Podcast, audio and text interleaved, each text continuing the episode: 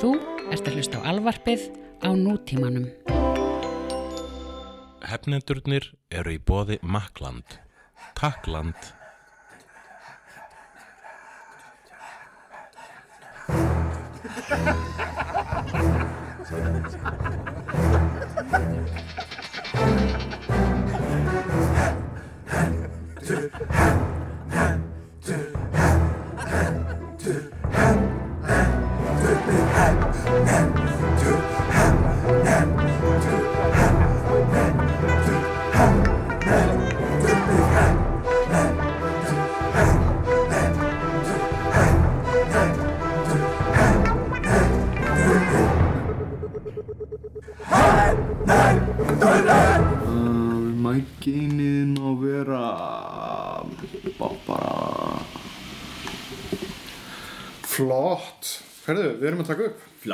Heyra flott Hvað segir þau? Ég ætla að segja, ég vil segja eitt. Að þessi þáttur er uh, merkilegur af uh, tveimur ástæðum. Já, að við erum seinir. Nei, það er ekki merkilegt. Það er ekki merkilegt, en það, við erum ekkert svo sen Það sem er mjög með rauninni þá erum við hérna, nær uh, nútímanum í tíma. Já, en vanalega. Já, oftast tökum, þá er þetta tekið upp að minnstu kosti þú veist daginn áður eða dögum Nokkum dögum fyrir, stundum vikum fyrir stundum vikum saman fyrir en núna er þetta tekið upp bara sko svona klukkutíma þetta fyrir loftið. Já, og uh, það er vegna þess að við erum uh, með nýja uh, upptökugræju. Já, við erum með svona faransupptöku græðu Græjuna okkar. Við erum með græjun okkar sem við fjárfestum sjálfur í með peningunum okkar sem við tókum úr bankareikningunum okkar. -hmm. og uh, og hérna skal ég segja að það er vegna en við lefðum bleið æfintir í gær sem var eitt leðlasta æfintir allar tíma og er varla, það er bara svona móðgun við orðið æfintir að kalla það æfintir Við getum kallað þetta ævartýri Ævartýri, já, þú stjórnaði ferðinni spókstarlega á bílniði Leiðilegasta ævintýri lífsins. Það var þannig að, það byrjaði mjög vel, það byrjaði með KFC Já, sem er afar gó- góður veitingarstæður uh, með samt, hann er svona góður að því leiti, hann er svona hann er góður eins og nazistar eru góður, það er að segja, þú veist nazistar voru hérna á yfirborðinu svolítið cool. Flottum búningum og svona. Já. djöfullin ja, ég verð að fara með þetta heim. Og hérna, en undir niður þá veitum við að það eru hræðilega hluti sem gerast þar. Þannig að þú ert að segja KFC sé eins og þriðaríkið KFC er eins og þriðaríkið sko, ef að þriðaríkið væri skemmtibilstæður Ok, en það er enda má segja um en, byttu við sko uh, Mér finnst það eiginlega samt vera öfugt við það vegna þess að mér finnst KFC kannski svona á yfirborðinu ekkert voðalega sexy en maturinn, innihaldið.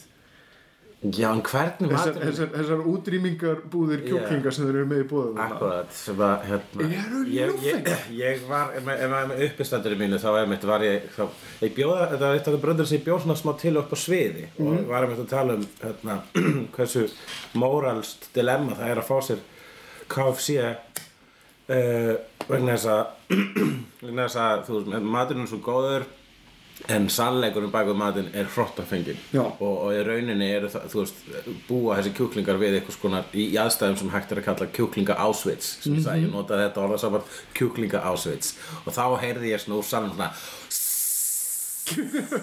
svo kvæs þú veist, sem er eiginlega svona æðislegt. Þegar að fólk kvæsir það er eitthvað, það er eitthvað miklu, það er, svo- er eitthvað göfugt við það vegna að ef fólk gerir bú það hljómar það eins og hálfvitar alltaf þegar fólk búar það hljómar eins og veist, eitthvað, eitthvað svona jórturdýr.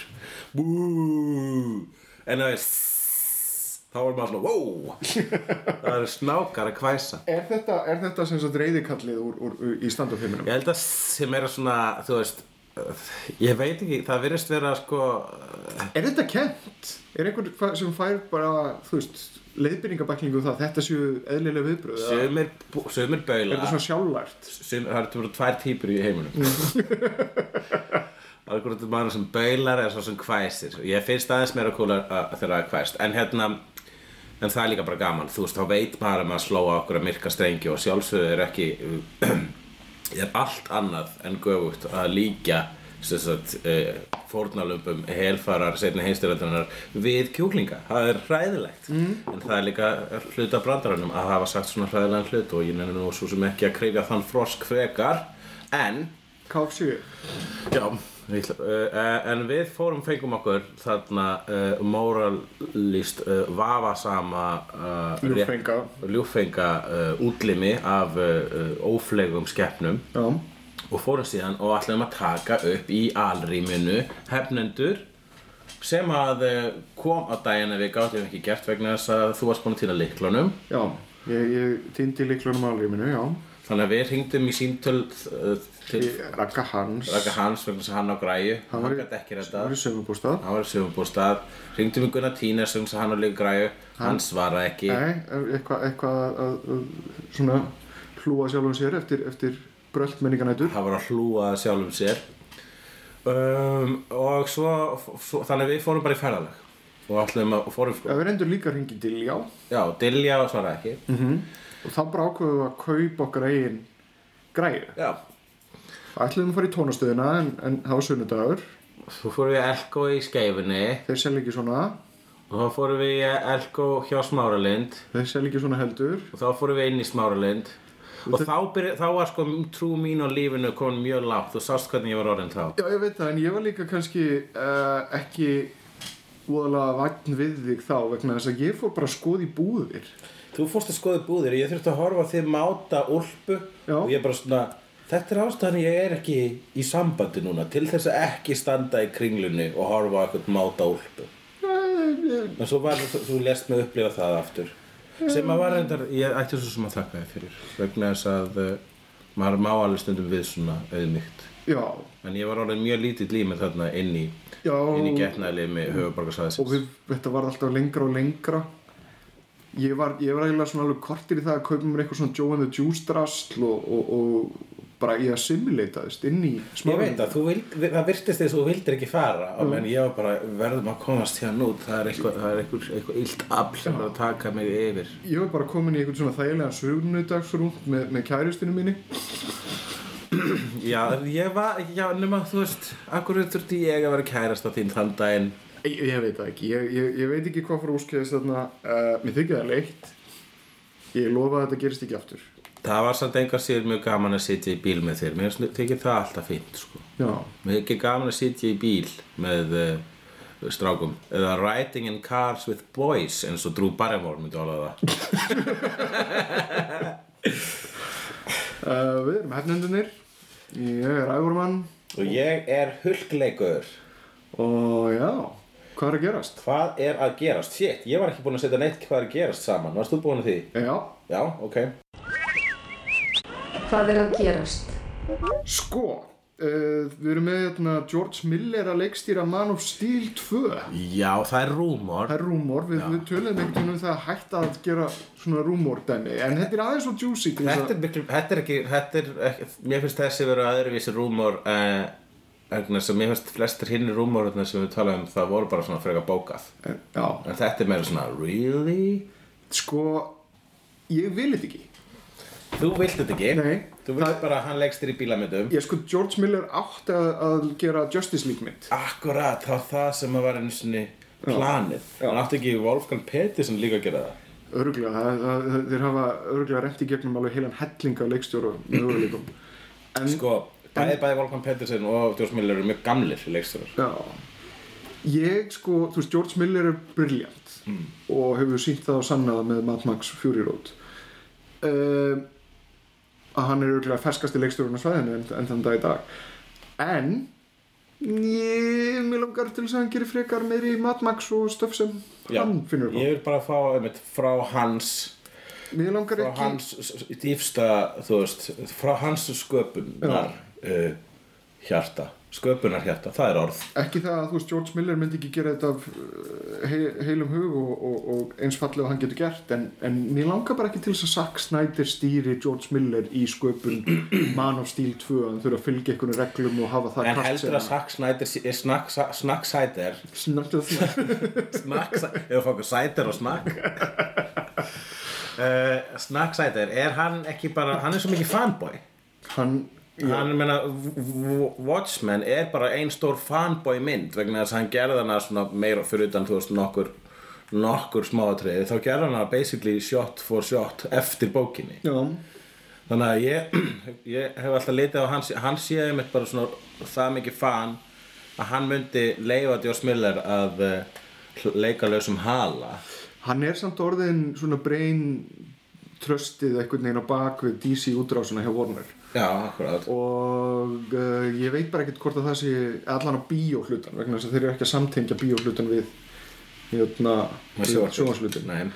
um, þannig að hann, eins og hann orðar þá, þá vill hann búa til litla sandkassa þannig að það eru bara lítil box þar sem að fólk getur gert hvað sem er innan í -hmm. en bara með svona ákveðnum takmarkunum já, en allir sandkassarnir eru á sama leikvelli. Já, og, sem er svo boring leikvelli, bara sandkassar. já, og allir hafa líka aðgang, aðgengi að framtíðar áallum hans með Justice League Ok, jú, en ég er svo svo samanlega því að ég var einmitt til bara að sjá George Miller, George Miller halda áfram að gera sitt sko, alveg svo George Rome- Romero á bara að gera zombiumyndir og George Miller á bara að gera madmaksmyndir Nákvæmlega. Og líka, hann er svo gamall hann hefur bara það margar myndir eftir, þú veist, hann getur bara gert x margar myndir Já, það er alveg þryggja fjagra ára ævintýri að gera eina mann og stílmynd Já, ef ekki fimm ára ævintýri Mér langar ekki þetta. Mér langar, mér langar til þess að hann nýti tíman í að gera það sem hann langar, langar að gera. En er ekki kannski ástæðanur að byggja George Miller um að gera þetta ef þeir eru að bara að því? Er svo einmitt það sem við vorum að ræða síðast að, hérna, að núna treystir engin ungum ferskum leikstjórn þöggsir Josh Trank og þeir bara, heyri, fáum hérna mjög gamlan. Hann er yfir 70 þessi. Já, ég veit ekki, Colin Trevorrow hann sem er leikstir í Jurassic World hann er að taka yfir uh, nýjundu starfsmyndina. En hvað gerði hann á enda Jurassic World? Mann það ekki. Mm. Google. Google, Google. Imbu Imbu mm, Kom, þú verður að tala með nýra Imbda Já. Uh, Já.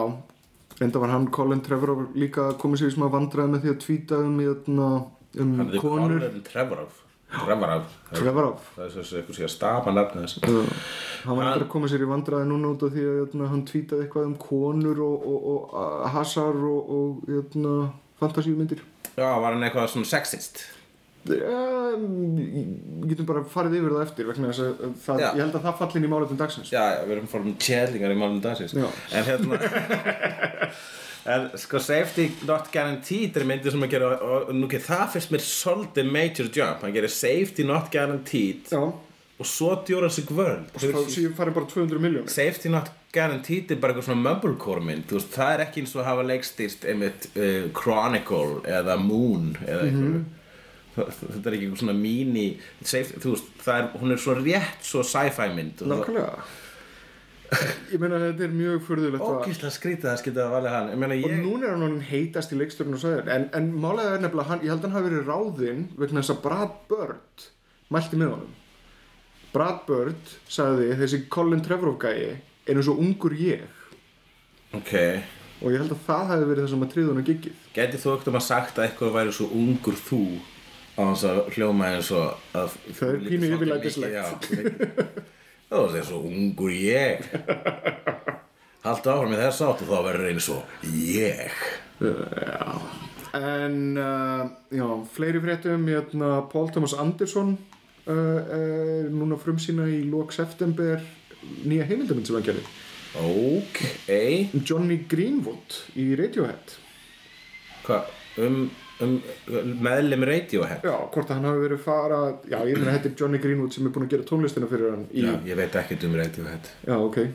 Johnny Greenwood er gítarleikarinn og einn af helstu tónsmíðunum smiðunum í Radiohead Ok. blokkinni. Já, hann er búinn að gera hann byrjaði að gera tónlistina fyrir uh, hérna, There Will Be Blood já, já. og hefur síðan gert tónlistina fyrir The Master og líka hérna, hvað áttu að byrja að gera tónlistina fyrir David Blood? Kláraði hann hann ekki? hann, jú, jú, hann gerði hana en, en við erum að tala um að hann byrjaði að gera tónlist fyrir Paul Thomas Anderson exclusivt Já, já, já, ég, ég fyrst uh, uh, ekkert exclusivt, hann er búinn að gera tónlist fyrir ykkur aðra kvikmyndir en, en hann og, og, og Paul Thomas Anderson eru með mjög gott samstarf Ah, svo, já um, hann var enda svikin um Oscars tilnefningu fyrir. The Will Be Blood á sínum tíma Já, þá vegna þess að það var ómikið af einhverjum, einhverjum uh, gömlum slögurum sem hann notaði sem bass og eitthvað bla bla bla. Já, Óskarinn Korti er svo mikill fassi, maður er raunin ekkert svikin um neitt maður er ekkert, ég hef aldrei, þú veist, eitthvað fólk, þegar fólk talar um að, við höfum talað um þetta áður, að- Óskarinn snöbbi þannan og hinn og bara, ó, þú veist, ekki móðgun, hvílik niðurlæðing fyrir þannan leikara að vera ekki tilnumdu þetta árið, bara það, nei, hann stóð sér ógislega vel og bara auðmingja Óskarinn að fatta það ekki, Reyndar það er ekkert auðmingja þeir. reynda að vera hann Paul Haggis sem að gera Crash Mhm. að segja bara nú um daginn að, að, að uh, hann, hef, hann var ekki með bestu myndina þetta árið Paul Haggis fær alltaf meira og meira vinningu hjá mér eftir þarna Going Clear. Going Clear myndina þá hann var einn skemmtilegasta röddinn þar Mhm. sérstaklega hann var að tala um hvernig hann bara þú veist þegar hann var lýsa því þegar hann kom hann upp á leveli þar sem maður fær að vita sannleikarn um geimurunnar og það Já. þar sem hann bara byrja að hlæja þegar hann talaði um það það var dásalegt uh, hann leik líka sjálfur í Anturas og svolítið skemmtilegu þar mm -hmm. en uh, já, en ég las þetta líka hann var eitthvað svona, já, Krass átt var nú ekki besta myndin það árið mm. sem að er sko ég meina, hann var ekkert að dissa sína mynd í klessu en hann er bara, hann er bara sína alvöru einlega auðmygt Já. Sem að margir í Hollywood mættu alveg temja sér. Já, hvaða myndi voru áttur þetta árið? Þetta var ekki neitt sérstaklega stert ár. Þetta var það var uh, Good Night, Good Luck Já, sem George Clooney gerði. sem var betur en Krass sem var frábær. Capote. Sem var, að mínum að þetta ekkit endalega mikið betur en Krass uh, Brokeback Mountain sem hefði átt að vinna. Betur en Krass og Munich sem að er, jú, betur en Krass en djöðlarum skrítin að hann með kynlýsatriði þeirri mynd sko, það er eiginlega bara kynlýsatriði myndinni sem er slemt ég veit að ég horfði þetta myndin, myndina öll myndin er frábær fyrir utan þetta að ég- atrið en svo maður kom á þetta myndinni þá fólk spurði mig hvernig var hann bara uh, góð. Það var þetta kynlýsatrið það var rosa skrítið. Mhm. og það var, það var sko veist eins og Spielberg hefði ekki riðið bara ekki, ekki, ekki vita hvernig það gengur fyrir sig eða eitthvað. Allavega sko þetta intercut með terrorist sko ég veit ekki hvort það sökkaði kannski var það eitthvað sko snild en að það skildi hafa komið frá sko þegar að Spielberg reynir að vera avantgard þá verður alltaf pínu kjánalegt. Sko, en svo þegar hann gerði hérna, hann reyndist svona að detta í eitthvað lynch þarna í Minority Report þú veist þegar hérna, eitthvað, þegar hann fer á í, um, til lítalagnisinn sem Peter Stormari leikur. Og, og, og, svo er lítalagnin með svona hjúkku sem að tala sænsku eitthvað svona snella lilla gumman, halló hér. Og er eitthvað að reyna að skapa eitthvað svona ónáttu tilfinningu og það bara, það verður bara það var bara fyndið aðalega sko. það var bara svona mm. hvað, akkur er þetta allt í hennu búin að breytast í eitthvað svona Lynch Bergman dæmi? Reyndar með þetta atriði ég held að þetta hefði, þetta virkaði á pappír. Það er að segja að þú veist samfarir interköttað með þessari árás og þetta er bara svona einhvern veginn í hausnum á honum og en sko hvernig hann hérna hvað heitir hann eftir leikarinn? Hulk, uh, uh, hann Erik Bana. Erik Bana. Uh, hvernig hann bar sig að við samfarinnar þetta myndi mig óþægilega mikið á maður grúpur kynlýsatrið þetta var pínu eins og bara grú- uh, þannig að já, að þetta ekki. Já, sko, þetta var líka í AI eða Artificial Intelligence sem var upprunalega blueprintið af Stanley Kubrick. Þannig að basically var Spielberg að taka Stanley Kubrick mynd og gera hana. Og það er vissulega margt ókislega flott í AI sem sci-fi þá er margt bara þarna uh, já, bara stokkuslegt þar. En uh, síðan er með sko var sumt sem bara gekk ekki upp þannig að hann hérna í stað þess að gera eitthvað kúbriklegt þá fór hann bara svona að datta inn í eitthvað bara vellu Já, en Spielberg líka getur ekki gert Nei. Vegna þess að Spielberg er bara með ofsterk höfundur einnkynni sjálfur Akkurat. þannig að þetta verður svolítið falskt og óeinlagt einhvern veginn í það var einmitt þegar þeir fóru þarna í kynlífsborgina þar sem að hliðina borginu voru munnar á konum mm. -hmm. upprunalega voru þetta vist hérna, voru hliðin alls svona stórar píkur það, maður, það er ekkert skrítið að Spielberg sagði Nei, ég ætla ekki að byggja risastóra píkur fyrir mína mynd höfum það bara munna þá er með breytist þetta í eitthvað svona hálfkák sko. Kubrick allavega sko, fer allavega leiðina og þá hefði kannski AI orðið umdeild að öðru leiti, sko, vissulega var AI Spielbergs umdeild en hún var bara umdeild að því leiti að annarkort fannst fólkinu flott eða ógeslega væmið drasl. Um, já. En Paul Thomas Anderson er að gera heimildamynd um, um, um Johnny Greenwood í Indlandi eða Tíbet eða eitthvað að- spjátrúkast Mockingbird spin-off á leiðinni uh, af já hún, Agents of S.H.I.E.L.D. hún Bobby hún Bobby Bobby hún, Bo- hún er einn af mínum uppáhaldskarakterum í Agents of S.H.I.E.L.D. þeim annars bara svona mistæku þáttum ég horfði nefndur aftur, ég, eh, ekki aftur ég horfði loksins á annað sísón er ekki hún klárað það það var alveg, þá var þetta orðið kom búin að finna sér pínu Já, sko. það er eiginlega setni á. helmingurinn og öðru sísóni þá, þá, þá finnst mér þátturinn búin að vera að finna sig á sama tíma er ég orðin svolítið þreyttur á in- in-house fighting. Að allir eru einhvern veginn að svíkja hvort annan og bla bla bla og þetta er bara orðið svolítið þreytt tó, tól Já, já, ég er bara til ég bara hver einasta serja væri bara svona prófa eitthvað nýtt, væri mismunandi serja sko, en uh, af, af hérna Marvel seríunum þú veist, þá er þetta svo sísta vegna þess að Agent Carter og sérstaklega Daredevil ber höfuð og herðar yfir þetta. Og Jessica Jones á leiðinni. Og Jessica Jones er á leiðinni. Um, já, þátturinn heitir Marvel's Most Wanted. Já, sem að hún, hún Bobby, hún er leik, og Mo- Mockingbird er sagt karakter í Marvel heiminum sem að eh, er, hefur mikið verið svona powerless en óslega góða að slást Já. og hefur lengi vel verið kærast annars Hawkeye. -hmm.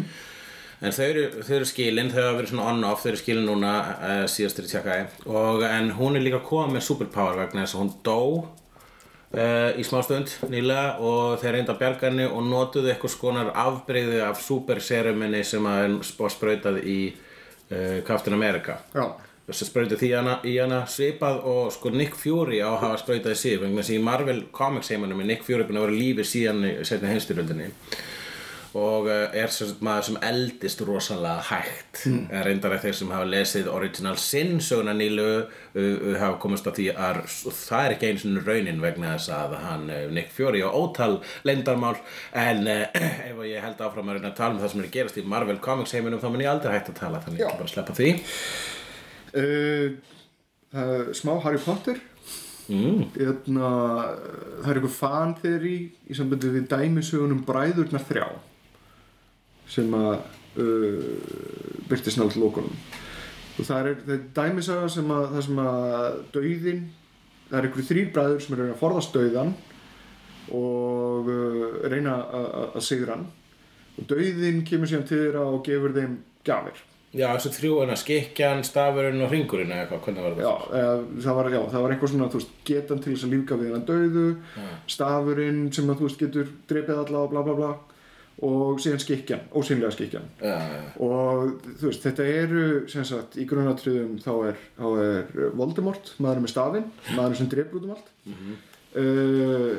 Severus Snape er, er, er jötna, gæinn sem að hefur valdið í döðanum að geta lífga við sem sagt, hennar látnu en fær bara zombi tilbaka og hengi sig. Og síðan sá sem, sá sem með skikkjuna hann bara hverfur af yfirborði jarðar og döðin leitar og leitar og finnur hann aldrei aftur en jötna, en kemur síðan fram undir lokin tekur á sig skikkjuna og hittir síðan döðan sem jafningja og lætur svon sem fá skikkjuna. Þannig að hann getur farið í friði með döðan uh bla bla bla. Uh, kenningin gengur út á það að Dumbledore sé döðin uh. og J.K. Rowling var rétt í þess að tvíta eða ekki rétt í þessu, bara svona fyrir grunn nokkur dögum að tvíta því að, að, að þessi kenning passa En hvernig er Dumbledore döðin? Ég finnst það eitthvað ekki alveg fara honum. Já, hann einhvern veginn er yfir öllum þessum þremur ef þú skoðar þá Já, já, hann er döðin, já, ok, ég skil. það er hann einhvern veginn sem, sem, sem er að- að að- að hræri hlutum á baku tjöldin Ekki, Hann er óðinn. Já um, Já Ok. Herru, dánarfregnir og njarðarfarir. Nei, ein- ein frétti viðbót Mm. Uh, Dr. Dre var að byggast ásökunar Já, já, það var nú gott hjá hannum. Já, hann, hann sagði það að hann sæi mjög eftir eftir því að hafa hef- hefða sér eins og hann hefðaði sér í galanda Dee Barnes sem var uh, í ykkur hip-hop þætti á MTV Hver er því Barnes? hún er Kona saman landi. kona sem landi og hann reðst á hana vegna þess að hún var með þátt þar sem að hann let Ice Cube uh, hún síndi Ice Cube vera með eitthvað dólga hvort NWA og, og það var bara dólgur fram og tilbaka og Já, hann. Dr. Dre var reyður út í hann út af því og réðst á hann á einhverju skemmtistað á landana eldan hennar klósett Og allt sem var freka creepy shit sko. Síðan aftur um út í landan líka konuna sína alveg í, í, í, í stöppu aftur og aftur Ógeðslegt og síðan, síðan réðst hann líka á einhverja gælu sem hétt Tyree Tyree B uh, sem að var eitthvað svona hip-hop vixen. Uh, kvítkona sem að rappaði veit. Og hérna, hann réðst á hann líka vegna þess að hún móðgaði hann í einhverju lagi. Þetta er náttúrulega afar hrótt að fengið og ég er ógislega líka leil þegar maður kemst að því að tólestamenn sem maður fylgur eru hérna, drullu sokka fortíð eða jafnvel drullu sokka nútíð. Mm. og eh, en það er þó allavega skrifir rétt að átt að beðast afsökunar Ég er samt kom að staldra við þessu afsökunarbeðni vegna þess að hún kemur í kjölfari á gaggrinni á uh, Straight Outta Compton myndina. og hann er búið að bösta hann og hann, þannig að hann er ekki annar að kosta völ. Já, bara, þú veist, dýpan spenti á það það var bara, það var bara skautað yfir þetta atvik og það bara gerðist ekki einhvern veginn í þeirri endurskoðu en er það ástæðan að við erum að tala um þetta er vegna þess að þetta tengist kvikmynd? Já, Já, ok. Svolítið svona Já, já, þetta er allt saman hinn vesti og hræðilega hlutur Við fórum úr því að tala um allir okkur á ofurhettur yfir í að tala um heimilisofbeldi meðal uh, gangsterrappara já, dánarfregnir og njörðarfarir.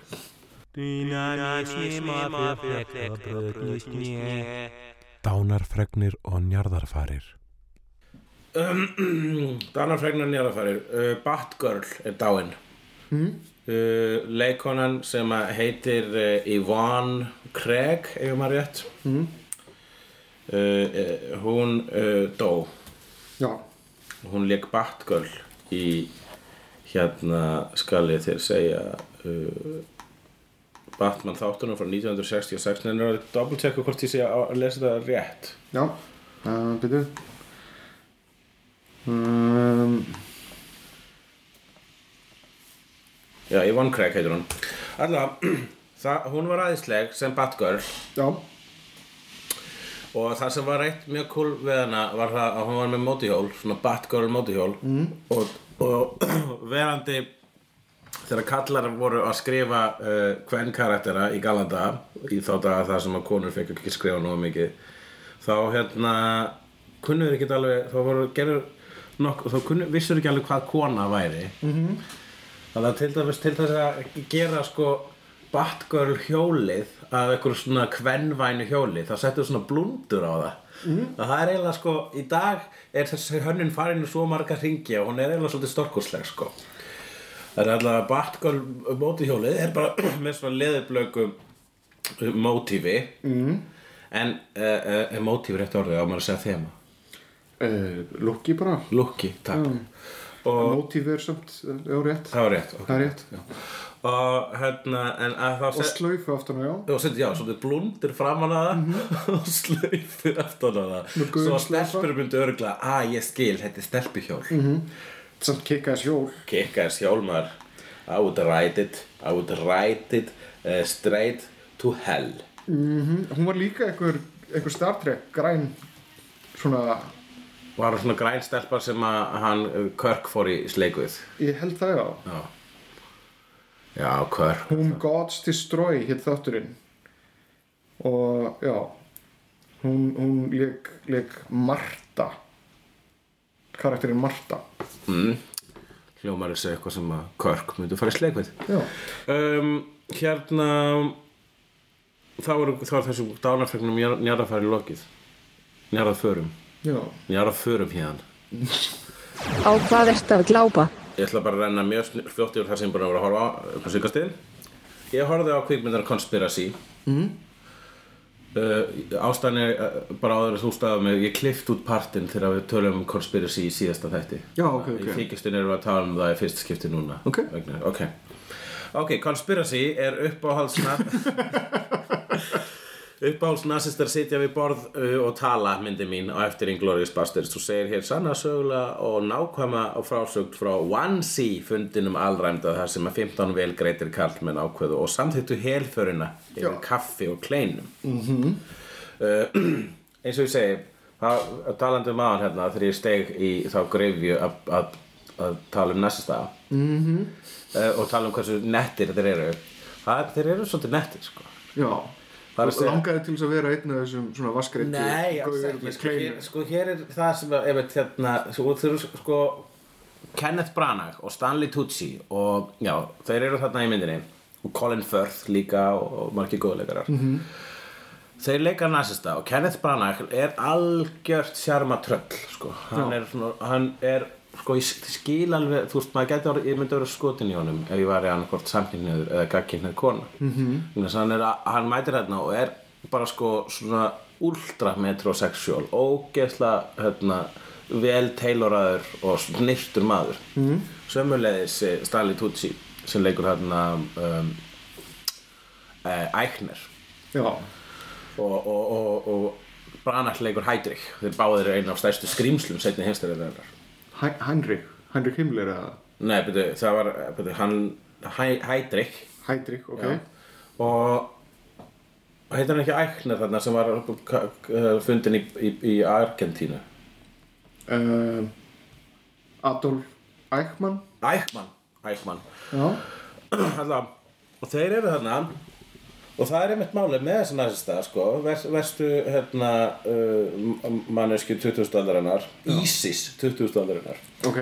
Og, en þeir eru bara þó allavega í flottum fötum. Mm -hmm. mjög flottum fötum, það er eina sem ég vildi segja. Já, Þú veist, það afsakar ekki neitt sem ég geri. Ég er bara að segja að vera í flottum fötum. Flottum fötum. Svo horfði ég á The Swimmer sem er gleymdur demantur það sem er Burt Lancaster klættur í sundskilu einum fata alla myndina. Við kliftur það út líka ég klifti það út líka. Og næsta þegar ég fyrir að segja eitthvað sem ég, þú hefur heyrt á þér þá klifti ég það út líka. Ok, ok. Burt Lancaster leikur sjálfmatröll sem syndir heim til sín í gegnum sundlega átti ekki, þessu upptöku Oh my god! Þú leið mér að tala! En átti ekki þessu upptöku eitthvað Nei, ég klifti hann á hendinu ruslið. Ok, Og ég var líka miklu lélæri að segja frá þessum myndum í síðasta þætti. Þess vegna klifti ég út. Ég stamaði og var einhvern veginn óundubúin Já. Núna er ég ógíslega vel undubúin En það kemur mjög illa út að þú ert alltaf að grípa fram fyrir. Þetta er alltaf læg, held áfram. Já, þetta er alltaf læg, halda áfram. Fyrir gæðu Það er allavega Ég held samt alveg tala að, að, að þú ætlaði að tala um conspiracy uh, theory með Mel Gibson og, og Julian. Nei, ég, ég ætla ekki að tala um hana og ég mun aldrei tala um hana Það er mjög leðileg mynd. Ok. Þá er ég búin að tala um hana. Árætti, flott svart Hald áfram. Uh, The Swimmer. Sem er hann er, er rosalega heillandi gaur hressasti maður í heimi brosandi mest alla myndina leikur uh, sumsett uh, þessa á, ágætu típu sem að syndir heim til sín í gegnum sundlegar nágranna sinna. Með hverju laug kynnustu manninum betur og lærum að hann er ekki allur þar sem hann er séður. Já, flottur og gleymdur demantur frá 1968 ef mann rétt. Ok. Þetta er sama leikstjóra og gerði setna Mommy Dearest. Og þetta er bara þetta er stórkvæmtlega mynd, ég held að það sé búin að undan sinni tíma. Mm. Days of Heaven hef aldrei talað um hana áður. Wink wink. Er ein besta mynd Terrence Malick og ein fallegasta mynd allra tíma ekki bara vegna svona öll skotin í ljósaskiptunum eins og þú saði mér Já. í síðasta þætti sem ég klifti út. Já, nákvæmlega. Heldur líka vegna þess að Richard Gere er dökkarður í henni. Dökkarður Richard Gere. I dare to say sætara en silfurhærður I dare to say it. Svo horfði ég á Skeleton Twins í gær. Ok, hef aldrei talað um hana áður óvænt. Óvænt. Ok, það getur verið að ég hafi eitthvað við það að bæta? Skeleton Twins eru svona ljúfsár svona mumblecore mynd haldin uppi af aðhlutverkunum tveimur sem eru leikin af Bill Hader Já, og Kristen Wiig sem sína hér að sanna að bestu dramaleikararnir eru gamanleikarar. Ég var endur að horfa á einhverja Kristen Wiig mynd núna nýlega um konu sem að er eitthvað klikkuð og vinnur í lottónu Já. og býr til sína eigin svona sjóvast rás, basically. Tekur yfir svona, svona hérna, sjóvastmarkað Já, já, hún fer svona bara á lokal TV og, og, hvað hva myndi þetta? shit, ég man ekki hvað hann heitir.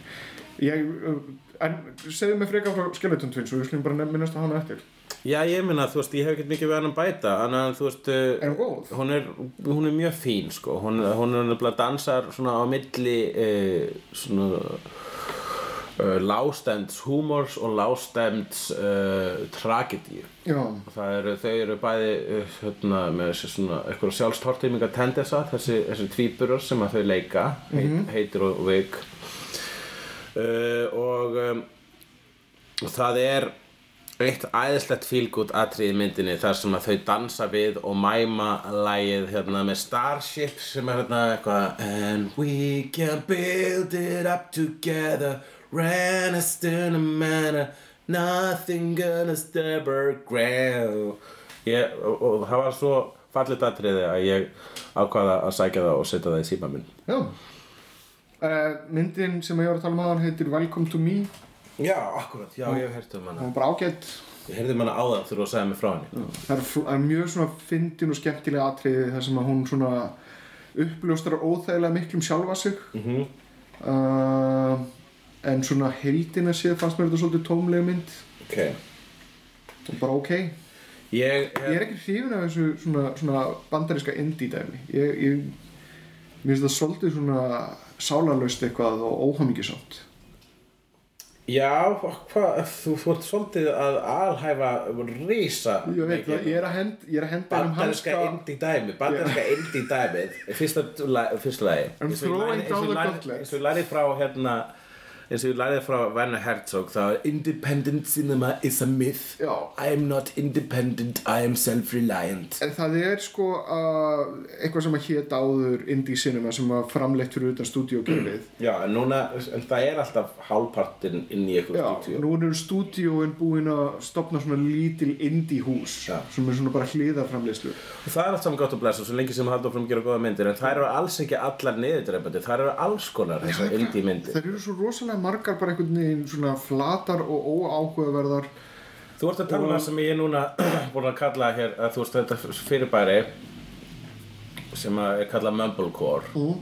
sem eru myndir sem eru basically bara svona fólk að hanga og tala Já. gerist ekkert mikið í og þér, þú fíla það ekki Ég bara, mér leiðist. Allt og mikið. Já, þú vilt sem sagt bara action Já, Ég, ég, er reyndar, ég er mjög spenntur að sjá hérna, uh, eina myndin sem ég er svona spenntur að sjá að þessum Mumblecore dæmi er Diary of a Teenage Girl.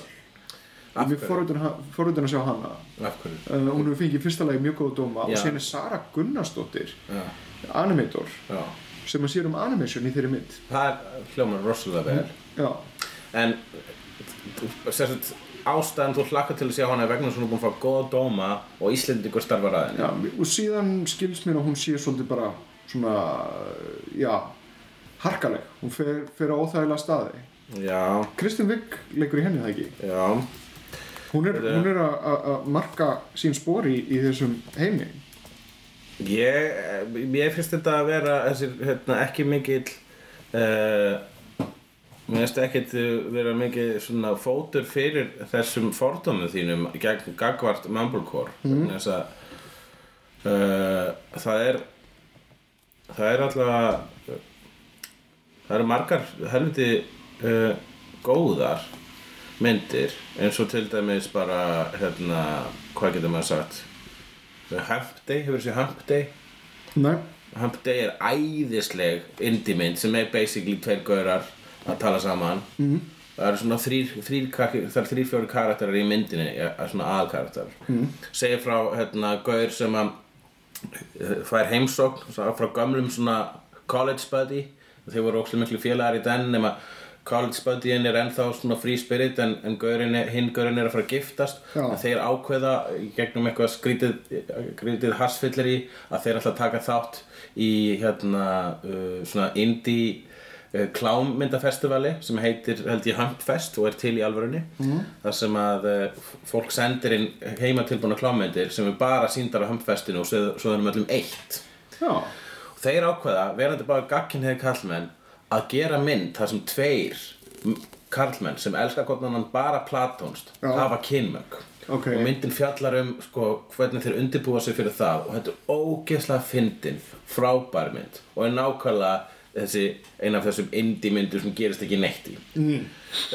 svo er til með Cyrus F, sem að hérna, John C. Reilly leikur á móti uh, Marissa Tomei og uh, Jonah Hill þar sem að John C. Reilly er að deyta uh, Marissa Tomei en hún á son sem að Jonah Hill leikur og er algjört þriðja hjólið er, hún, þessi mynd er mjög fyndin uh, það, það er þetta að var, Juno, er það ekki, myndi það ekki flokkast hana líka undir þetta Já, mér finnst svona Juno var skemmtileg þegar ég sá hana fyrst en síðan þú hef ég aldrei þá- ennst að, að að horfa á hana aftur. Þú ert einn af þeim fjölmörgu sem dutti í, í backlasið á þeirri mynd og hugsaði svona, ok. Ég, Hún var óslega cool þegar hún var í bíó en núna er allir að tala illa um hana þannig að ég finnst hún ekki cool lengur. Ekki, ekki, ekki ætla mér, ætla mér þessa Hipsterakrökan Kling! Ég, Obvious Child með uh, Jenny Slate Æðislega mynd. Mm. Já, Safety Já. Not Guaranteed Ekkert svo leðileg Half Nelson þar sem að hann Ryan uh, uh, Gosling uh, leikur á móti ríðudúku Mjög skemmtileg. Be Before Sunset trilogían hans linkladir og meira minna allar góðu myndin hans linkladir æðislegar, Francis Ha frábærar, Me and You and Everyone We Know. Mm. geðvegt ég veist Francis har enda mjög góð Já, en ég ætla, herru, eitt er enda með of a Teenage Girl. Hún er byggð á comic eftir Phoebe Glockner. Já. Uh, hérna talað um góðar svona indie meublecore myndir sem eru byggðar á comics. Uh, Ghost World. Geðvegt þannig að sko hvað, þú ert bara að segja veist, mér finnst það mjög fáar sem eru eitthvað, er eitthvað varið í. Og þú hefur líka sjöðu mjög fáar apparently. Já, Já. apparently. Já. Ok, en, ef, en nú skulum við tala um svona myndir sem þú fílar sem eru svona boom, crash, bang myndir uh, ég fór á kvikmyndina Mission Impossible. Mm. Mission Impossible uh, Rogue Nation Mission Impossible 5 já, sem að er bara ein, að, sko, mun gera það sama á síðustu tvær Mission, Mission Impossible myndir gera. Það eru munu blandast saman í haustum á mér og ég mun ekki muna hvað gerast í hverri. Og það skiptir engum máli. Vegna þess að þú fær bara Mission Impossible til að sjá Tom Cruise gera eitthvað hættulegt og hérna, og eins og við vitum þá er Mission Impossible basically myndserían er búin að vera leikvöldur Tom Cruise til þess að prófa að, hérna, að hlaupa fram hjá dúum hlaupa á lestum hlaupa Jú, hann, það er alveg rétt, hann hleypur í öllum myndunum sem hann leikur í og hann fer fram á það að hann hleypur og svo honum finnst hann lukka ógislega vel þegar hann hleypur hefur endur ekki nátt fyrir sér. Nei, ekkert svo.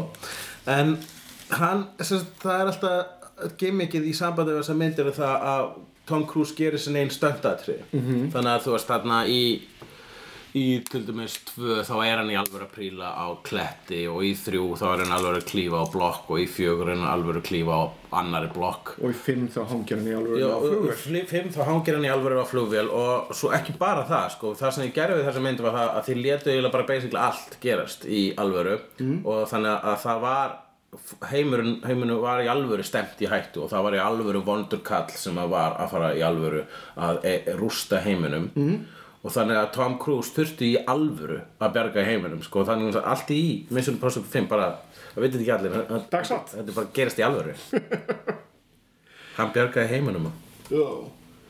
Ég, ég var að horfa á um, fyrstu þrjá þættina Mr. Robot sem að margir eru búin að tala um sem hérna, uh, eitt besta eina bestu seríunum sem hefur komið Já, ég á þetta alveg eftir og veit ekkert um þetta og langar næst því ekki að vita neitt um þetta. Já, ég, ég, ég ætla heldur ekkert að fara neitt út í þetta fjallar um hakkara. Uh, frá mínum tölvu vinum hef ég heyrt að þetta sé mjög akkurat mm. það er að segja öll tækni og allt sem er notað er mjög raunsætt og þetta er bara mjög cool stöf og þetta er, þetta er líka það er svona ákveðið meta í þessu. Meta segiru, já. Hvað þýðir það? uh, sko, hann er það er, þetta er óareðilegu sögumæður Já, við vitum ekki alveg hvort að það sem hann sé að segja sé satt. Akkurát uh, þetta er, þetta er, hann fjallar svo, hann, hann segir frá svo sjálfur. Mm og uh, já. Þetta er, þetta er, þetta er svolítið áhugaverður heimur Sko, við verðum eiginlega að fara snöggvast í hérna ákvært að lesa. Ok, örlítið. Á hvert að lesa? Ég Já. ætla, ég ætla að reynda að klára, það er annað sem ég var að horfa á. Mm. uh, horfði aftur á Body Heat. Já, mikið svakalega ein besta uh, litaða núormynd allra tíma. Mikið svakalega endist svo mynd vel hún er svo fyndin, hún er svo kaldæðin Lawrence Kasdan bæði leikstýrir og skrifar hann skrifaði líka uh, Raiders of the Lost Ark og Empire Strikes Back meðal annars. Já, en hann tekur þarna ást sína á noir myndum upp á, upp á sem sagt býr til neo-noir í í, með jötna, Catherine Hepburn. Og William Hurt. Kathleen Hepburn. Já. er það Kathleen Kath, Kathleen Hepburn. Nei, ekki, ekki Hepburn, Kathleen Turner. Turner Kathleen Turner og jötna, William Hurt og Já. með alveg frábæri glá, glæpasögu sem að maður heldur að hún sé komin að eitthvað eitthvað, eitthvað enda, endaspór þá er hún hálnuð og ótrúlega pace ótrúlega, ótrúlega díalógur. Ég lærti í smá douchebag moment ekki fyrir svona lengur síðan. Eitthvað voru að tala um Kathleen He Turner. Og hérna það sem að eh, einhver hafi séð hana í eh, Marley and Me Já. þeirri ofmetnu mynd. Uh, og, og, og sagði bara Jesus, hún er bara hann gömur ljót og feit. Hvað varð eiginlega um hana? Uh, tíminn tíminn er það sem varð og djöfisins douchebag setning er þetta að segja. Og eitthvað hún er hann gömul. Mm. Hvað það, það sem gerist við fólk. Fólk verður gamalt hún allavega sko er gömul gracefully sko. Hún er ekkert að skemma sig með einhverjum desperat uh, lítaðgerum hún er samt eitthvað það, maður finnur fyrir uh, viskiröddinni að, að, að Já, gæti er- hafa verið er- svolítið svona alkohólísk. Hún, er, nei, hún hefur alltaf verið, er rám og núna er bara ráma röddinn hann orðið rámari vegna þess að hún er eldri og það, hún notar það hún var mjög, hún var eitt af því fáa sem var fyndið í myndinni uh, Dumb and Dumber 2 til Já, hún var líka mjög áhugaverð í jötna, Californication. Hún var æðislega í Californication. Þannig að ég bara, þú veist þú veist, og- og- það er ekki nú oft sem við fáum að sjá konur sem voru frægar þegar voru ungar að vera ennþá að leika eitthvað í dag þess að líftími kvenna í Hollywood er miklu styttur þetta líftími kalla vegna þess að þeir fá að eldast gracefully og þá bara kærastunni þeirra on screen verða bara yngri og yngri og alltaf eitthvað svona nögg sem þú kannast ekki við. Tó, hérna, Johnny Depp eldist og eldist og eldist en það er alltaf eitthvað ný skvísa í kringum hann í myndunum. Já, og þetta er eitthvað sem að þú veist, þetta er náttúrulega bara færaveldið og, og, allt og eitt af því sem er rámt við Hollywood. En eh, það heldur hjálpar ekki attitude í okkur um áhörðum sem koma og sjá hei, ég sá þarna sex tape um daginn. Eru Cameron Diaz bara með eitthvað appelsínu húð oi svona fólk getur bara pínu fokka sér ég er bara að segja það allavega, ákvært að lesa Ákvarðanleysa. Ég var að lesa, uh, byrjaði aftur að lesa þið frábæra stöf hérna uh, eftir uh, Warren Ellis sem er ofurhættju hann uh, Planetary, frekar órið sagði frekar víðuskilningi en hér er satt frá hérna svona þryggjamanna teimi sem að uh, afhjúpar falin eindamál 20. aldarinnar og sem að reyndar hvert fyrir sig er eitthvað skonar óður til svona popkultúrs uh, 20. aldarinnar popkultúr fyrirbæra uh, og, og svo leiðis það er skemmtilega við Warren Ellis að hann hefur alltaf lýsað fyrirlitningu sinni á overhedjum en eiginlega allt besta stöffið hans er overhedjustöff samanber Authority sem er besta overhedju sem kom frá 90s já, en ástæðan ég byrjaði að lesa þetta er vegna þess að við fengum skilaboð frá plánutunni jörð Spurningar frá plánetunni jörð uh, uh, og við þurfum endilega að breyta þessu hérna þessu stefi úr, úr hérna í, í skilaboð frá plánutunni já jörð en þetta er ekki alltaf spurningar. Þetta er ekki alltaf Stundum spurningar. er þetta bara staðhæfingar. En það, hann, hérna, jarðabúinn Davíð Alexander Korno sendi okkur skilaboð. Uh, þar sem hann adressað það við vorum að tala um uh, tala um Fantastic Four. Mm.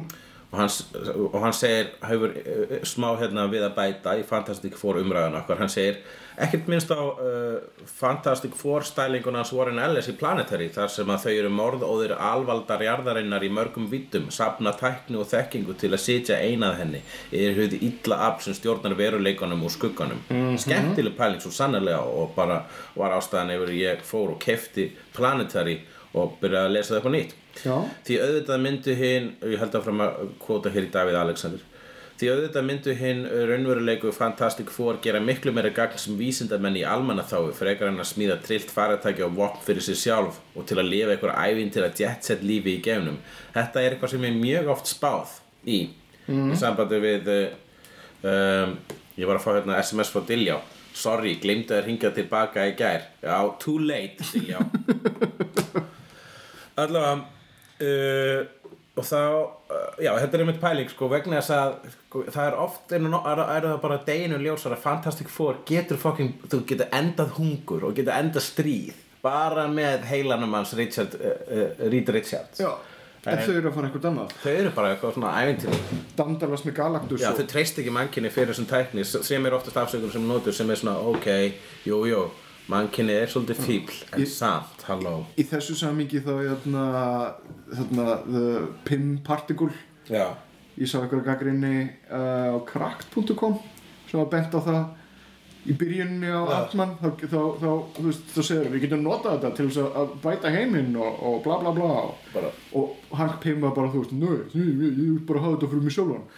Hvað með, þú veist, til dæmis að flytja mat á milli staða og minka, þú veist það er alltaf notað þetta í alls konar hluti til þess að bjarga mannkyninu. Ég veit það, en þú veist, það er afsökunum sem er svo ofurheitu notið alltaf. Ég vil ekki að, að ríkistjórnum breyta sig í vopn. Mm. sem að ríkistjórnum myndi gera. Og þetta er að hræðilega við tækni að til dæmis að mjög mikið af tækni þróun síðustu áratuga og bara síðustu aldar að, að hefur átt sér stað vegna þess að herin sponsora það. Já, þannig að þú veist ef þú ert að fara að búa til gameflow til gamesins þá ertu líka að fara að búa til svo sagt, eldflög sem getur sprengt næstu heimsálu gætu við ekki tæknilega að sé að hérna ég meina, þú veist, þetta verður á vopnum hvort þið er, að einhverju, einhverju marki. En stundum er vopnaþróun og herþróun til góðs fyrir mannkynnið Já. vegna þess að það býr að, það, það elur á sér aðra að sem er hættu fyrir okkur hinn Þannig er hver einasta nýja tækni nýjung er hún, sagt, ver, ver, ver það bara óumflýjalegt að hún verður notuð til íls og góðs? Já, í grunninn. Það er leiðileg nei, það er bara raunverulegt. Meh. Herðu, það er endar hérna Ég er, byrju býtu, það, er hérna meira frá Já, ég ætla að fara í það. svolítið langt komment. Það var með langt komment. Uh, Davíð Alexander Koronó segir síðan PS Eftir 50 þætti get ég ekki orðað að bundist. Meta er ekki að sama og metaphysical hulkleikur. Hann skamma mig þetta. Hlutir Þetta er persónulega. þetta, Já, mér þetta, þetta, ég, ég er samt alveg samsegur og þú. Ég, ég, ég, Nei, ég er búin að nota orðið metafysist og meta en- miklu oft vittlast ég hefði getið kannski kommenta á það Hlutir geta. Hann heldur hér áfram Hlutir geta verið meta Vísað út fyrir sjálfur sig Dreigið aðtekla á formið sinu Ekki bara einu hildinu Án þess að vera metafísiskir mm. Skástrík frumspekilegir. Svo segir hann Bókstælega handan þessi verulega Skástrík áþreifanlega. Hinstu rauk tilverunar Samanberg Guð er til. Er til dæmis klassísk Klassísk metafísisk spurning. Og hvað er að vera til Er önn Ok, ég skil þetta ekki neitt. Ég hérna en er ekki, er ekki, er ekki meta Ég sko- stytting á metafísika. Ég, ég held, ég, það held ég. En hann, er, hann vil meina svo sé ekki. En líka Þegar ég sagði, metaf, ég sagði metafísist í ykkur samingi síðast og var að klippa þáttinn þá hugsaði ég bara ah, ég vissum, ég, ég, ég var að nota orðið metafísist vittlaust í hundrasta skiptið Mhm. og skammaði sjálf mig og ætlaði myndi að byrja þannig þátt á introi þar sem ég myndi segja við myndum ræða þetta. Já. en er síðan þetta ekki samt orðið svolítið meta? Það var mjög frústirandi sko að vera að frá ákveða það og síðan fá svona hérna, komment frá Davíð og bara dammit en, en það er alveg rétt. Uh, það er greinilegt að, að- ég, ég fór ekki bara í töðunar af mér þarna ég svo þekki heldur líka í töðunar á Davíð. Og réttilega vegna þess að ég er alltaf að nota orðið metafísist vittlust en er það ekki með svolítið metafísist? uh, jú, ég held það. Er það? Ok, segðu mér hvað metafísist er vegna þess að ég skil ekki alveg hvað hann er að segja hér. Já, sko, ok, það er einhver greinamunur hann að greina milli metafísist Meta og hlýtur að vera meta. stýtting á metafísist Ég meina, come on, alltaf þegar hann, hérna Ég- Þegar hann það er eh, þótt að þessi dreigið að voru því það ekki að þýða það sama Þegar Abed í, í, í community segir mera, mera, mera, mera Mm. Þá er hann að tala um það að þátturinn eins og já, sé meðvitað um sjálfan sig og fjallum sjálfan sig og er, er, er innkverfur Já, og hérna, já, og community eru mjög metafísiski þætti Já. Það er mjög metafísiska frá, frásagnir þarna sem að poppa upp reglulega. Já. Er það ekki meta? það er meta, jú. Já, er en það- metafísikal samkvæmt honum uh, Davíð Alexander Kornó er annað. Meta og ég veistu það, ég er nefnilega búin einhvern veginn að nota þessa tvo hluti eiginlega uh, já, sama. Sko, ég er saman þetta- já, þetta er alveg rétt hjá honum skilur metafískal fjalli um náttúruna eða, eða, eða stærri spurninguna.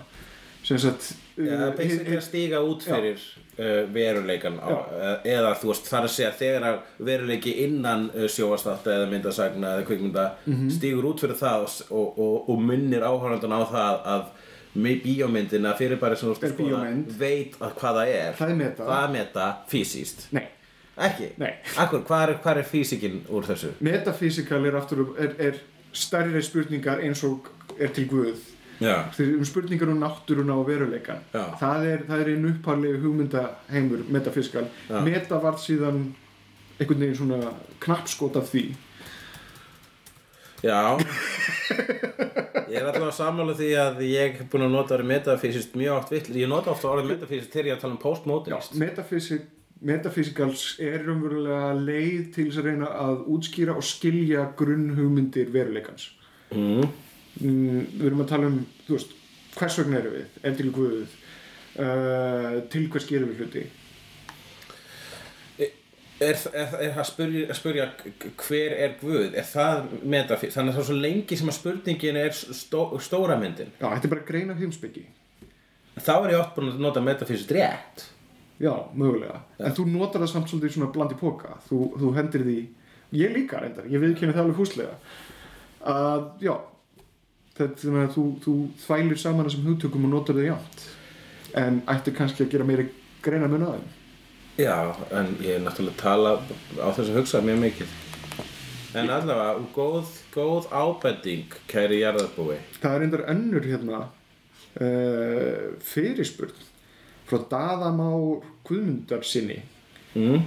Uh, Sælir hefnundur, þar sem ég er rakari og þar er lendi mikill skegg áhuga maður var ég gaman að sjá mynd af skeggtilrun hulkleiks Hvað er ég búið? Ég ætla að taka mynda þér Já, um, Já, ég er núna að mynda vélina, þannig að sjá Herðinni, þetta er panorama Já, það þarf panorama yfir þetta mikilfenglega dæmi sem er þetta landslag sem er á andlutinu mínu. Ok, ég er að taka myndina núna og við setjum hana síðan á hefnanda síðan aftur Glaður Nei. Ég ætla að, uh, Mér lang- mér langar þetta að gera eina tilvínu viðbútt Mér langar að gera svona pan og það sem að ég svona ég ætla að nota heimilisvábeldismennina í NWA til fyrir, taka þá til fyrirmyndar og ekki brosa á ljósmynd. Sérðu hvað pan á myndinu er fín? Uh, þetta er gott útvarp. Herðu, nei, þetta er allt saman á leiðinni. En á, þú settir, tókstu venjulega myndar? Ég tók venjulega mynda Ok. líka, já. Ok, en uh, já, og hvað hva, hvað vill hann síðan allar hann að gefa þessu skeggi minni dóma? Vegna þess að ég er á vandræði með þetta. Þegar ég kemur sundi Já, þá er ég svona blöytur og kefokkafullur og líti, líti speilin í sturtuklefanum. Og þá finnst mér ég vera með geðvett flott skegg. Þá finnst mér ég vera mjög sexy. Kaupir sér skekkóli já, ég held að ég þurfa að vera svona, svona rakur í andliti Já, Uh, en þú veist, ég er nefnilega fer allar skalan í áliti sjálfsáliti hvað þetta skegg varðar vegna þess að flesta mótna vakna ég og finn fyrir þessu dæmi á andlitinu mínum liður þess að þessi maurabú á andlitinu mínu mm -hmm. klæjar alltaf mikið og fer síðan fram í speilin í morgunlýsingunni sem er ekki mjög flattering þá sé ég þetta þetta stórslis framan í mér sem er sko blanda af dökk sko ég vildi óska að það væri bara dökkt en síðan öll þessu ljósuhár. Hætti reynda bara að raunin með skegg hjá flestum það ekki? Jú. öll þessu ljósuhár með. Ég þekki til dæmis menn sem eru mjög dökkarðir en eru sem er rautt skegg. Já ég er gladur að ég sé ekki með rautt skegg bara með fullur veiningu fyrir þetta með rautt skegg. Skeggið er samt svona, ég, ég held að það er að rýma við jötna, uh, The Drapes The Drapes Já, jötna, punkárin já er það ekki gólteppið Er það? Já. Carpet The carpet, Carpet. does the carpet match the Já, drapes Já. nákvæmlega Akkurat. Já, nei, e, þetta er, e, það er eins meira ljóst í, e, í gluggatjöldunum heldur en í gólteppinu Já, ok og e, ég, e, Ég veit ekki hvort ég vildi vita þetta En ok nei, þú fórst þessa leið og ég kerði, ég tók við, tók við stýrinu. Já, Jesus take the wheel. en já, ég veit ekki hefur eitthvað á móti því að hafa smá svona fjölbreytni í, í hára Það er nefnilega síðan fólk búin að segja mér að ég sé alveg fagur svona sko. Það, ég, það, reyndar, sumir, það, er- það er einmitt, fólk er jafn mismunandi og ég sjálfur. Mm. hvað þetta var, eins og sumir segja sko, Nei, þetta er mjög fínt sem, er, sem þýðir ekki að þetta er fínt bara ég er svona, er þetta flott? Já, þetta er mjög fínt hugleikur segir fólk eins og að sé að þú veist að fela eitthvað, eitthvað hræðilegan sannleika. En síðan eru líka sumir sem segja, wow og eins og það var eitt samkynniður maður um daginn sem sagði að hann myndi ríða mér. Ok, vel gert. Og þá var hann að tala um ég mynd, hann myndi ekki ríða mér fekk skegg en núna vill hann, vill hann ríða mér. Ég er samt að þeirri skoðun að hérna, þú gætir verið með svolítið glorious yfirvaraskegg. Með svolítið þjættan vöxt gætir alveg farið í túnstón yfirvaraskegg Já, ég held að ég gera það ekki sko. Hú, kannski fyrir grínball. Ef ég ætla að vera hérna, ef ég ætla að vera Doc Holiday var hann ekki með yfir að skeggi þeirri mynd? Jú, jú. voru allir með yfir að skeggi í tómstón já, Uh, hann var satt með svona, svona pensilskegg svona skegg já, svona, svona opnótt. Huckleberry. Þannig ég myndi freka að vera Kurt Russell. En þú gætir líka leikið Paul F. Tompkins. Já, Paul F. Tompkins er ágætis grínisti sem klæði sig eins og hann sé stættur á 1930 og eitthvað. Já, uh, ég svona dandy Ég, já, ég, ég hugsa, sko, ef ég legg á mig þá er ég ágætið standi en uh, ég legg ekki alltaf á mig, sko. þú ert stundum í jakka Ég er aftast bara að leggja mig. já, stundum í bindi þú getur alveg gert þetta ef að fara í málefni dagsins Já. Málefni dagsins. Hérna, málefni dagsins er kynjakvóti í kvikmyndagerð. Það er þrætu epli. Já, það var málþing núna á vegum Riff uh, rétt fyrir helgi, föstudaginn held ég, þar sem að það komu nokkrir mætir einstaklingar, uh, þar meðal Baltasar Kormákur, Tjörfi hjá KMI, uh, uh, Þorkell uh, sem, sem að gerði þarna Feather Cocaine heimildumyndina.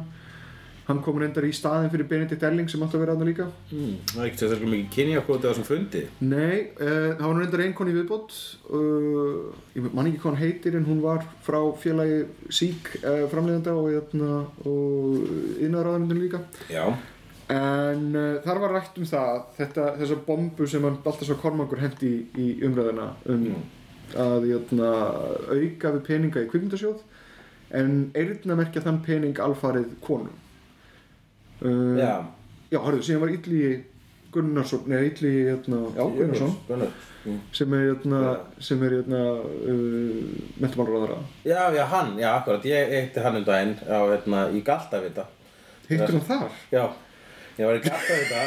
ok uh, ég var í Galtavita uh, ásatt uh, hérna nokkrum listamönnum og þeir sem ekki vita þá Galtaviti er svona lítið aðsetur þar sem að, uh, er á vestfjörðum sem að er ekki með neitt uh, Uh, ekki með neitt símasamband eða netsamband. Þannig fer ég ásönd öðrum góðum til þess að enduræsa batterín og jafnvel skapa út í guðskrætni náttúrunni. Þetta er eitt af perlum Íslands. Guðfallið þarna og það er svo ágætislega frábært að vera útilokaða frá umheiminum. Ég hef einmitt verið þar einu sinni og á einni viku skrifaði ég heilt handrita kvikmynd Já, akkurat, þetta er staður til þess að skapa Nú, ég var þarna og við við listafólkið uh, á, þurftum einn daginn að reisa jurt mm.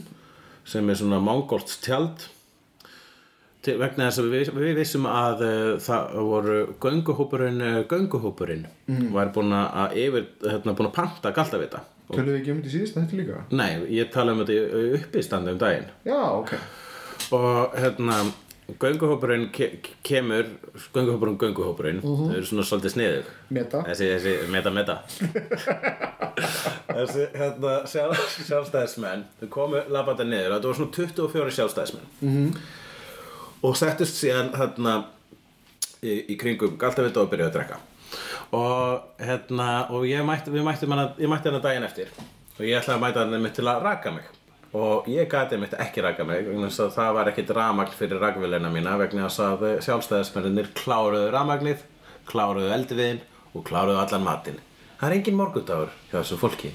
Nú, nei, nei, ég er að íkja Var þetta maturinn ykkar? Nei, þau kláruðu sinni eigin mat, þau komið mér þetta En hérna En hitti finnara Ok, Og uh, En svo var, mitt, þau voru svona í ratleik uh, Og ein kona kom og sagði hérna, sagði við mig, ef ykkur getur sagt mér hvað blöðrugras er Þá skal ég borga ykkur pening. Og þá sagði ég, þið getið ekki fleikt peningum á öll vandamál. Og þá heyrði ég hana kvísla síðan af vinkonum sinni ég á engan pening en þau vita það ekki. Þá sagði ég það ætti að vera slagur sjálfstæðisflokksins. Bam, bam, bam, bam allavega, Illegi, hann kom að fundi sem þú varst á. Já, hann var líka þarna. Mhm. um, Og sko, það var svona Hinnur og þessir að fjalla um þetta málefni Kynjakvóta í kvikmyndagerð. Uh, Ég persónulega er 100% samanlæði að það hefur verið kynjakvóti. Allavega fimm ára tilrun og sjá hvort að við getum náða einhverjum árangri í það því að fá fleiri konur inn í hennan bransa. Mér finnst það orðið svolítið þreytt einmitt að, að sjá uh, kvikmyndir um miðaldra kallmenn í grísu með fullri vinningu ást til þeirra sem að gera þannig myndir. Bara að fá miðaldra konur í krísu það var ég ágætt. Það er einmitt me- megnið þessum mumblecore myndir sem við vorum að um að allar þessar indie myndir, það er fjarnar flestur um konur í krísur ég er það, Já. ætlar virkilega að fara að bomba því inn í? Nei, það er pínu þannig. Nei, nei, það er alveg nóg að miðaldra kallmenn í krísu líka. þessar Kristin Vig myndir. Mm. það er mjög mikið af konum í krísu í bandarækjunum við erum að, að, að, að indie bransinn, en að gera sér lappa frá bandarækjunum, er þó alla að standa sér betur Já. í þessu heldur en á Íslandi uh, já, en það er, þú, getur að samla því En á sama tíma er hann ekki að standa í því að, að láta konur fá uh, stjórntömmuna í stærri verkefni. e, bandarækjunum Já. já, ok Uh, en ég meina hérna heima þá er það þannig að, að uh, við erum ekki að láta konur fá peninga til þess að gera kvikmyndir. Þær fá minni styrki, þær fá handrita styrki, eitthvað þróuna styrki en stærstu fjárhæðarnar renna alfarið til kalla. mm. það eru mjög óþægilegar tölur sem að blasa við og ef maður skoðar einmitt 2014 þann Illu Gunnarsson rendi yfir tölur og það var bara svona 99% einhvern veginn kallar í öllum líkil stöðum já, og þetta er bara eitthvað sem við þurfum að laga við þurfum að fá rattir kvenna inn í kvikmyndagerð Sko, já, kyn, mín skoðan á kynakvóta er svona að það er ill nöðsinn í glötuðum heimi mm. Og, og við í gegnum síðustu aldir og með, uh, já, þöksi hennu uh, margtíða feðraveldi mm.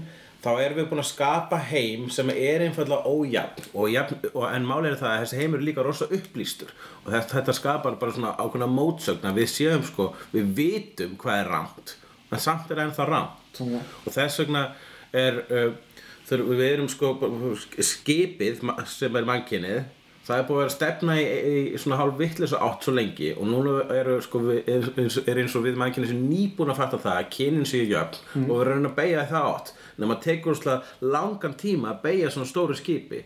Nema kynjakvóti er einhvers konar booster fyrir þessa beigju handstýring, Já.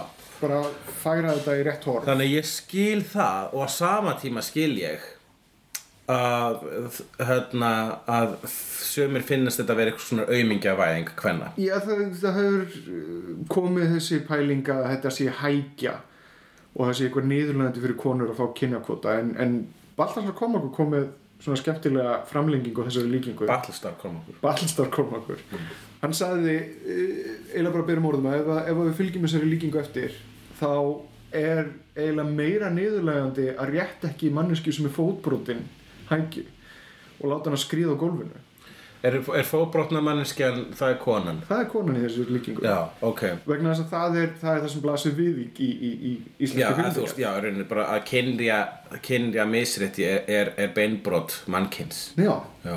mér finnst þetta mjög góð líking Það er ákveðtis líking. Ó, erum við bara búið með þáttið þá núna? uh, við getum ekki verið það herru nei, Colin Trevorrow ætla, ég ætla að nefna það í við þetta. Þetta var bara svo fýtt staðar að enda. Ég það. en ég ætla, uh, Colin Trevorrow uh, lendi í einhverju, einhverju Þetta var pikkelsi svolítið metafysist. hann hérna hann sem sagt uh, tweetaði, uh, hann var spurður um það að okkur konur eru ekki að fá hérna, þessi hlutverk. Og hann skrifaði svona langt tweet mm.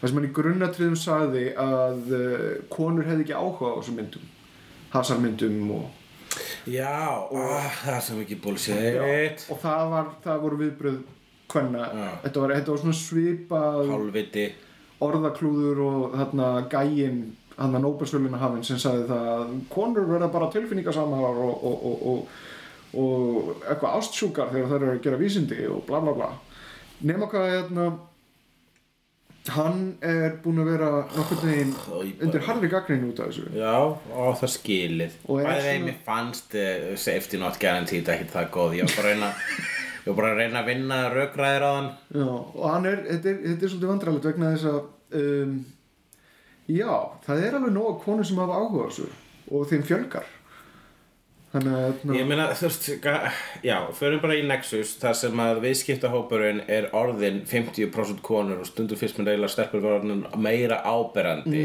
í, í þeirri búð heldur en strákar. Og þetta er eitthvað sem er breyst á síðustu árum vegna þess að dyrnar hafa bara opnast, blessunarlega, sko.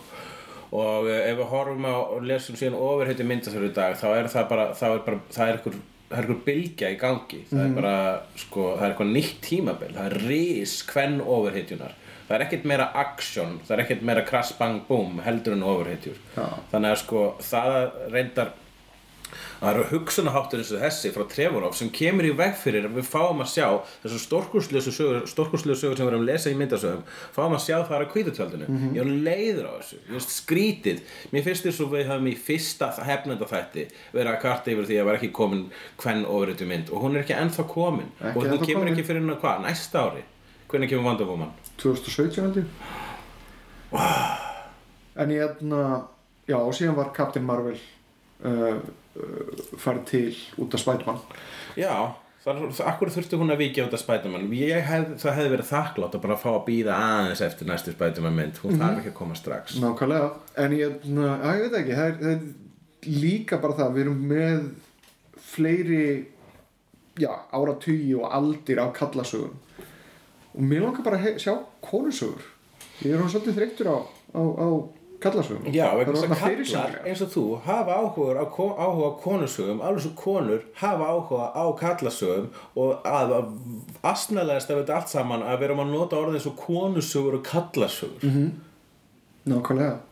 En ég hérna, já uh, klappa baki á Doug Moses dóttir líka fyrir það að, að, að standa svona í brúnni með að, að vekja aðtegla á þessu og, og, og hamast í kerfinu. Mm. Hún er cool. Já, og líka Elisabeth Ronaldsdóttir vegna þess að hann balti lísti því að hann var búin að loka inn í klippisvítinu með henni Elisabeth Ronalds. Já, og, og hún náttúrulega er skörungur mikill og hefur, hefur virkilega svona breytt hugafæri hans belta. Já. Uh, þannig að já góð konur. Uh, ef við enda þáttum þannig góð konur. Það er það ekki er það ekki pílust já áfram stelpur þið getið þetta duglega Já, nei. Nei. Nei, þetta er, eiginlega meira frekar frábært hjá okkur meira svona, takk. Uh, já já Er það, er það, er það við hlýtum ekki að enda þetta á einhverju svona almennlega soundbæti. Uh, ef við að fara í hérna, mér langar að fara í um, ef við að gera eitthvað eins og best of vest eða Við höfum eiginlega ekki tíman til þess. Ég þarf að drífa mig. Ok, þá bara endur við þetta svona eitthvað einn svona